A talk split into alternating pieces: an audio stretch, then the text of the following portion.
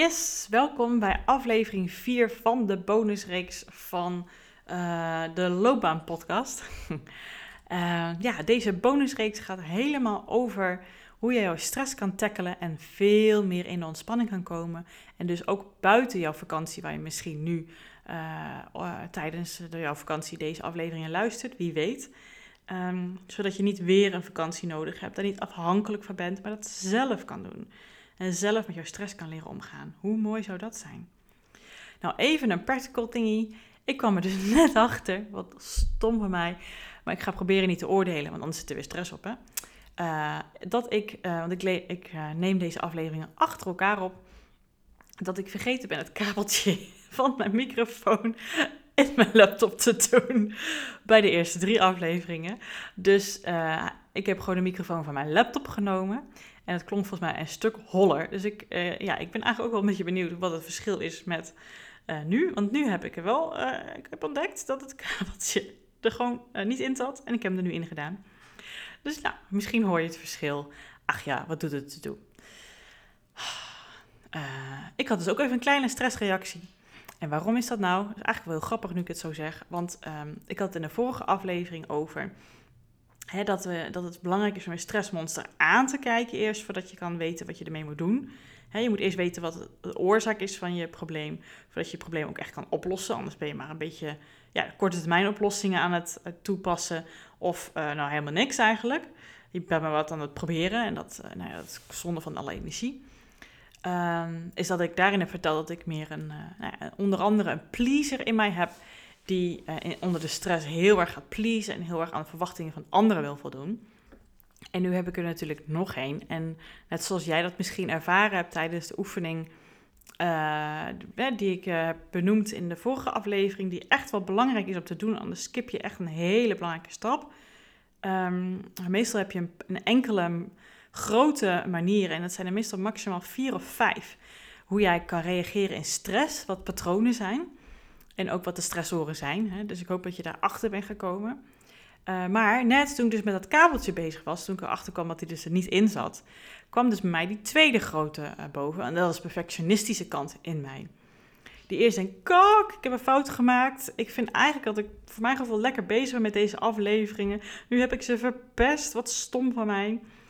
Um, nou, nu ik dit ook zo zeg, denk ik, ja, Vroeger zou ik echt heel erg ballistic worden. Zou ik echt helemaal stoppen ermee, zou ik kappen ermee, zou ik alles, of, of en na een tijdje misschien alles overnieuw opgenomen hebben.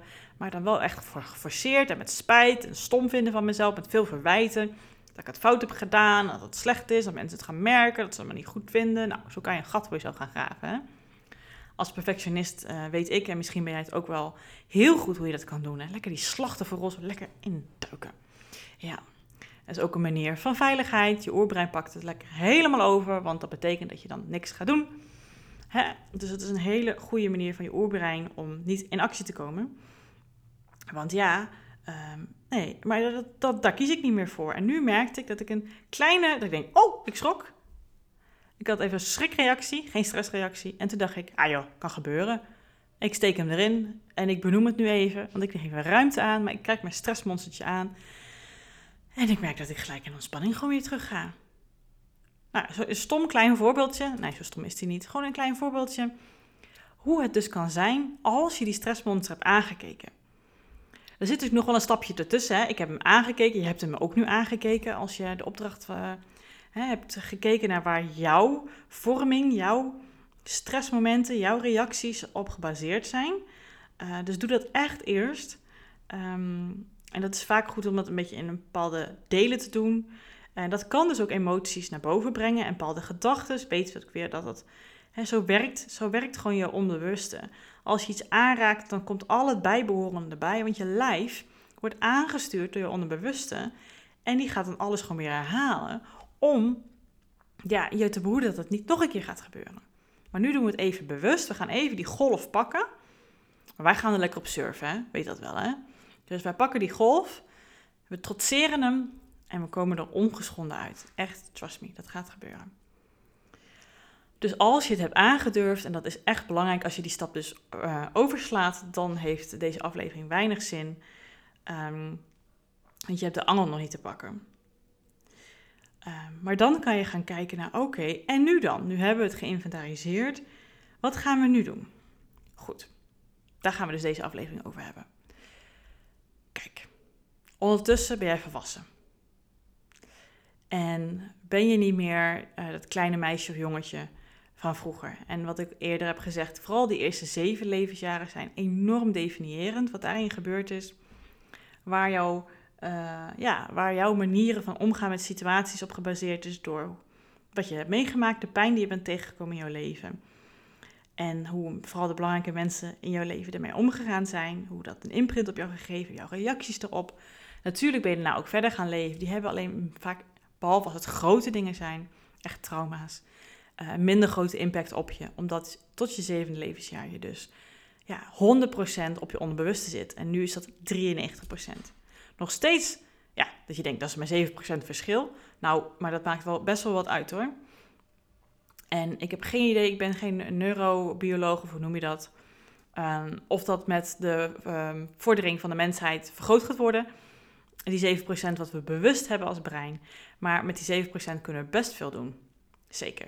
Want met die 7% kunnen we namelijk die 93% beetje voor beetje aanpassen. Zodat die programmering die ons onder het bewuste zit, stukje voor stukje aangepast kan worden. En dat je profijt hebt van die programmering. En dat ik dus nu een klein beetje schrik als ik dat kabeltje vergeten ben, waar ik vroeger ballistic werd en helemaal in stress schoot en onder de, onder de lakens wilde verstoppen en een gat wilde graven en er lekker in wilde gaan uh, verstoppen. Dus weet dat ik daar ook echt uh, aan gewerkt heb. En dat kan jij ook. En waarschijnlijk heb je al hele mooie stappen gemaakt. Want als je dit soort dingen als deze podcast luistert, dan geloof ik dat je dat zelf al wel gedaan hebt. Maar er is vaak wel een verschil tussen iets weten en ook echt ermee aan de slag gaan. En dat gaan we natuurlijk in deze afleveringen vooral bekijken. Maar voordat je weet waarmee je aan de slag kan gaan, gaan we dus eens kijken wat het is dan, wat je kan gaan doen. Dus, zoals ik net zei, nu ben jij een volwassene. Je bent dat kind niet meer dat helemaal in de stress kan schieten van een wesp. Je kan uh, bewust denken, je hebt een relativeringsvermogen. Je weet dat als één keer jouw tas gejat is of als je één keer gestoken bent door een wesp, kan je even schrikken inderdaad. Maar je kan het relativeren en weet dat het niet elke situatie weer zo is. Want die stress, die uh, heeft vat op jouw leven, op jouw gezondheid, op jouw duurzame manier van keuzes maken jouw, jouw je sanity in je hoofd. En als je te constant onder de stress zit, zoals ik al vaak benoemd heb, maar sommige dingen kan ik niet vaak genoeg benoemen, zit je dus constant in de overlevingsstand. En de overlevingsstand maakt je dommer en langzamer. Je maakt gewoon rare beslissingen die je achteraf, als je weer wat rustiger en helder kan denken, niet zou maken. Dus hoe fijn het, zijn, het zou het zijn als je dus meer in die rust kan zitten en in de ontspanning. En nu als volwassene kan je dus eens gaan terugkijken naar die situaties waar het allemaal begonnen is. Wat de angel is van die stressor van jou, die angel van jouw stressreactie. Waardoor je soms dus nu ook diezelfde stressreactie krijgt, terwijl je gewoon een volwassen persoon bent. Maar dat zit dus allemaal geprogrammeerd in je onderbewuste. En als je weet ehm, ja, wat dat dus was, heb je daar de sleutel tot het antwoord. Want als je daar nu als een volwassene naar dat kleine meisje of jongetje kan gaan kijken en kan denken: Oh, wat had ik eigenlijk toen nodig gehad? Wat had ik toen fijn gevonden als ik had kunnen doen, of als vooral, want je bent nog een klein kind, wat als mijn papa, mama of degene die mij toen verzorgd of bij mij was, had kunnen doen voor mij? Wat had ik nodig gehad zodat die stress niet zo hoog was geweest? Wat had mij weer tot rust kunnen brengen, zodat die stress niet zo groot was geweest, zodat het niet een patroon werd zoals die nu is? Wat was mijn behoefte op dat moment? En als kind weet je dat vaak gewoon niet, want je weet niet eens wat je nodig hebt, ook hoe, laat staan hoe je het moet vertellen tegen die ander. En wie weet of die ander dat wel kan doen voor jou. Maar nu ben je dus wederom volwassen. Dus kijk eens terug. En dat zijn vaak de dingen die dus tegenovergesteld zijn van um, jouw overlevingsmechanismes. Van jouw valkuilen, van de gedraging die jij vertoont in die stressvolle situaties.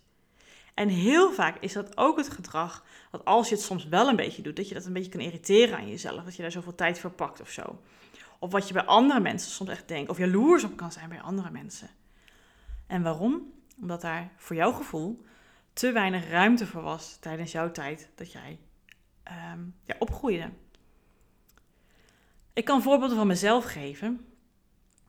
Ik heb wel eens mensen dat als ze een verhaal gaan vertellen, dat ze daar helemaal de rust en de ruimte en allemaal voorbeelden bij pakken en gebaren en de aandacht pakken en, en weten die aandacht te pakken en daar echt helemaal voor gaan zitten en met bombarie dat allemaal gaan vertellen. Dat ik dan ook echt denk, dus even normaal, even rustig. Je kan toch gewoon normaal je verhaal vertellen. Je hoeft niet zoveel aandacht op te eisen op jezelf. Je bent ook gewoon maar even belangrijk als iedereen hoor. Waarom denk je dat je belangrijker bent dan een ander? Dat zijn dus die gedachten die ik er dan bij heb. Waar ik dan vroeger natuurlijk mee opgegroeid ben. Wat, dat zeiden mijn ouders ook. Die heb ik overgenomen. Mijn onderbewuste heeft overgenomen. Of mensen die heel erg. Ondertussen ben ik erin gegroeid. Hè? Dus nu kan ik. Hallo, ik heb een podcast. Hè? Misschien denk je dat wel eens bij mij. En dan kan ik zo achteraf ook, wel eens denken: Oh, ik heb gerebbeld. Of uh, weet ik veel. En dan word ik weer een beetje onzeker. Dat komt omdat ik dat vroeger natuurlijk weinig geoefend heb. Maar ook mensen die heel veel ruimte nemen voor een gevoel en hun behoeftes en de tijd pakken om even na te denken over iets. En als ze zeggen, ja, dat is hem toch niet helemaal, misschien een beetje dit en ja, en oh, maar ik voel me eigenlijk zo erbij en dit en dat. En ik echt denk, jezus, schiet eens op man, kom op, zet je eroverheen. Ja, gevoelens, daar was weinig ruimte voor vroeger. Door mij ook niet en door mijn ouders ook niet zoveel. Want wisten zij veel hoe ze ermee om moesten gaan, was voor iets heel moeilijks. Als ik vroeger mijn gevoelige Judithje nog af en toe was en moest huilen, ja, dan wist mijn moeder echt niet hoe ze om moest gaan. Dan was het eerst eventjes van, nou, haal maar uit. Maar stop er nou maar mee, want bah, het is klaar toch? Het is goed zo. Hup, kijk, een leuk serietje, kijk dat maar. Of ga maar naar boven. Of uh, irritant dit. Hier heb je speeltje, hier heb je snoepje. Ik weet het allemaal niet hoe ze reageerden. Maar ik kreeg dan, voor mijn gevoel, de deksel op mijn neus bij mijn gevoel. Terwijl ja, ondertussen ben ik erachter dat ik heel gevoelig ben. En dat ik de laatste tijd, ja, wat ik vroeger allemaal niet wist, uh, kan huilen bij films. Ehm, ook echt in mijn coaching dat het heel erg toepas, die gevoeligheid van mij ten goede. Want ik merk dingen op, ik voel dingen bij mezelf die ik ook serieus neem. En die benoem ik dan. En als ik dat doe en de ander zegt, ja, precies dat ja. Ik wist nog niet de woorden ervoor, maar jij noemt het inderdaad, dat is het. Dat ik denk, oh, weet je, ik kan juist die gevoeligheid van mij zo mooi inzetten. Maar dat heb ik met hele kleine stapjes gedaan. Want wat was mijn behoefte vroeger? Ja, even inchecken bij mezelf. Wat doet het met mij? En mag ik ook af en toe even de aandacht hebben? Mag ik ook even leuk mijn verhaal vertellen? Maar ja, daar werd vaak of niet naar geluisterd, of ik werd afgekapt, want ik nam te veel ruimte in. Maar ik ben gewoon van nature een heel enthousiast, gevoelig persoon. Dat heb je in deze podcast denk ik ook wel gemerkt. En ondertussen ben ik daarvan gaan houden, want dat is wie ik ben. Ik ben het gaan accepteren. Klinkt een beetje als heb ik maar geaccepteerd. Nee, ik ben er echt van gaan houden. Ik vind mezelf daar leuk om. Dat is wie ik ben. Als mensen dat niet leuk aan mij vinden, zijn ze gewoon niet mijn soort mensen. Of passen wij niet bij elkaar. En dat is allemaal oké. En zo is iedereen anders. Maar dat is iets ja, wat ik wel heb geaccepteerd bij mezelf. Dat dat is, is wat bij mij hoort. En waar ik trots op ben en blij mee ben. Ja, dat ik af en toe lekker even kan gillen als een klein meisje. Van ja, dat vind ik leuk. En dat daar vroeger gewoon weinig ruimte voor was. Want ja, nee, je moet weer in het gereel. Je moet er weer normaal doen, want dan vallen we weer op. En oeh, heel veel angst. En ondertussen begrijp ik allemaal waar dat vandaan gekomen is. En mijn ouders hebben er heel veel van geleerd. En ik ondertussen ook nergens een verwijt. Ook niet naar jouw ouders en opvoeders toe. Alsjeblieft, doe dat niet. Als jouw ouders meer hadden of anders hadden kunnen reageren of gedragen of hadden kunnen geven, dan hadden ze dat echt gedaan, want ze hebben alles met liefde gedaan. Ik ben ervan overtuigd. De psychopaten en sociopaten en, en, en weet ik veel wat daar gelaten. Meeste mensen hebben goed in zich en doen alles met de juiste bedoelingen. Alleen weten gewoon zelf niet zo goed hoe anders. Hè? Dus wat ik al eerder zei in een andere aflevering, dit hoort er gewoon bij, bij opvoeding. Het hoort er gewoon bij. Je bent niet perfect, je bent geen robot en die zijn ook niet perfect, want die hebben geen gevoel. Dus wat ik gemist heb, wat ik nodig had dus in die situatie, lang verhaal kort jongens, is dus hoe voel ik me erbij? Wat heeft het met mij gedaan? Wat was mijn behoefte op dat moment? Dat had ik zo gemist. Ik was gewoon een hele gevoelige baby. Maar er was geen ruimte voor. Dus uh, ja, en mijn verstand, uh, ratio, was iets wat feiten waren heel belangrijk in mijn opvoeding. Vooral voor mijn broer en vader ondertussen ook in veranderd. Hè? Maar ja, dan ga je daarin mee, want je past je aan, die wil ook hun liefde. Dus dat gevoel gaat steeds verder weg. En dat had ik nodig. En nu is de vraag: wat heb jij nodig? Als jij dus terug gaat kijken naar die momenten. Ehm, en ook wat je ook kan doen, dat is misschien nog een betere, pragmatischer ingang. Wat heb je nodig in de situaties nu die jou triggeren en jou stress geven? En dan kan je vanuit daar dat terugrelateren naar toen. Want waarschijnlijk zijn die situaties van vroeger, die zijn natuurlijk verder weg. En ehm, ja, die voelen ook veel groter. Die hebben toen veel grotere impact gemaakt. Want wederom, je was jonger. Nog niet zo'n groot bewust brein. Dus wat probeer daar eens rustig bij stil te staan. En ga er dus juist niet van weg. Wat heb jij dan eigenlijk nodig?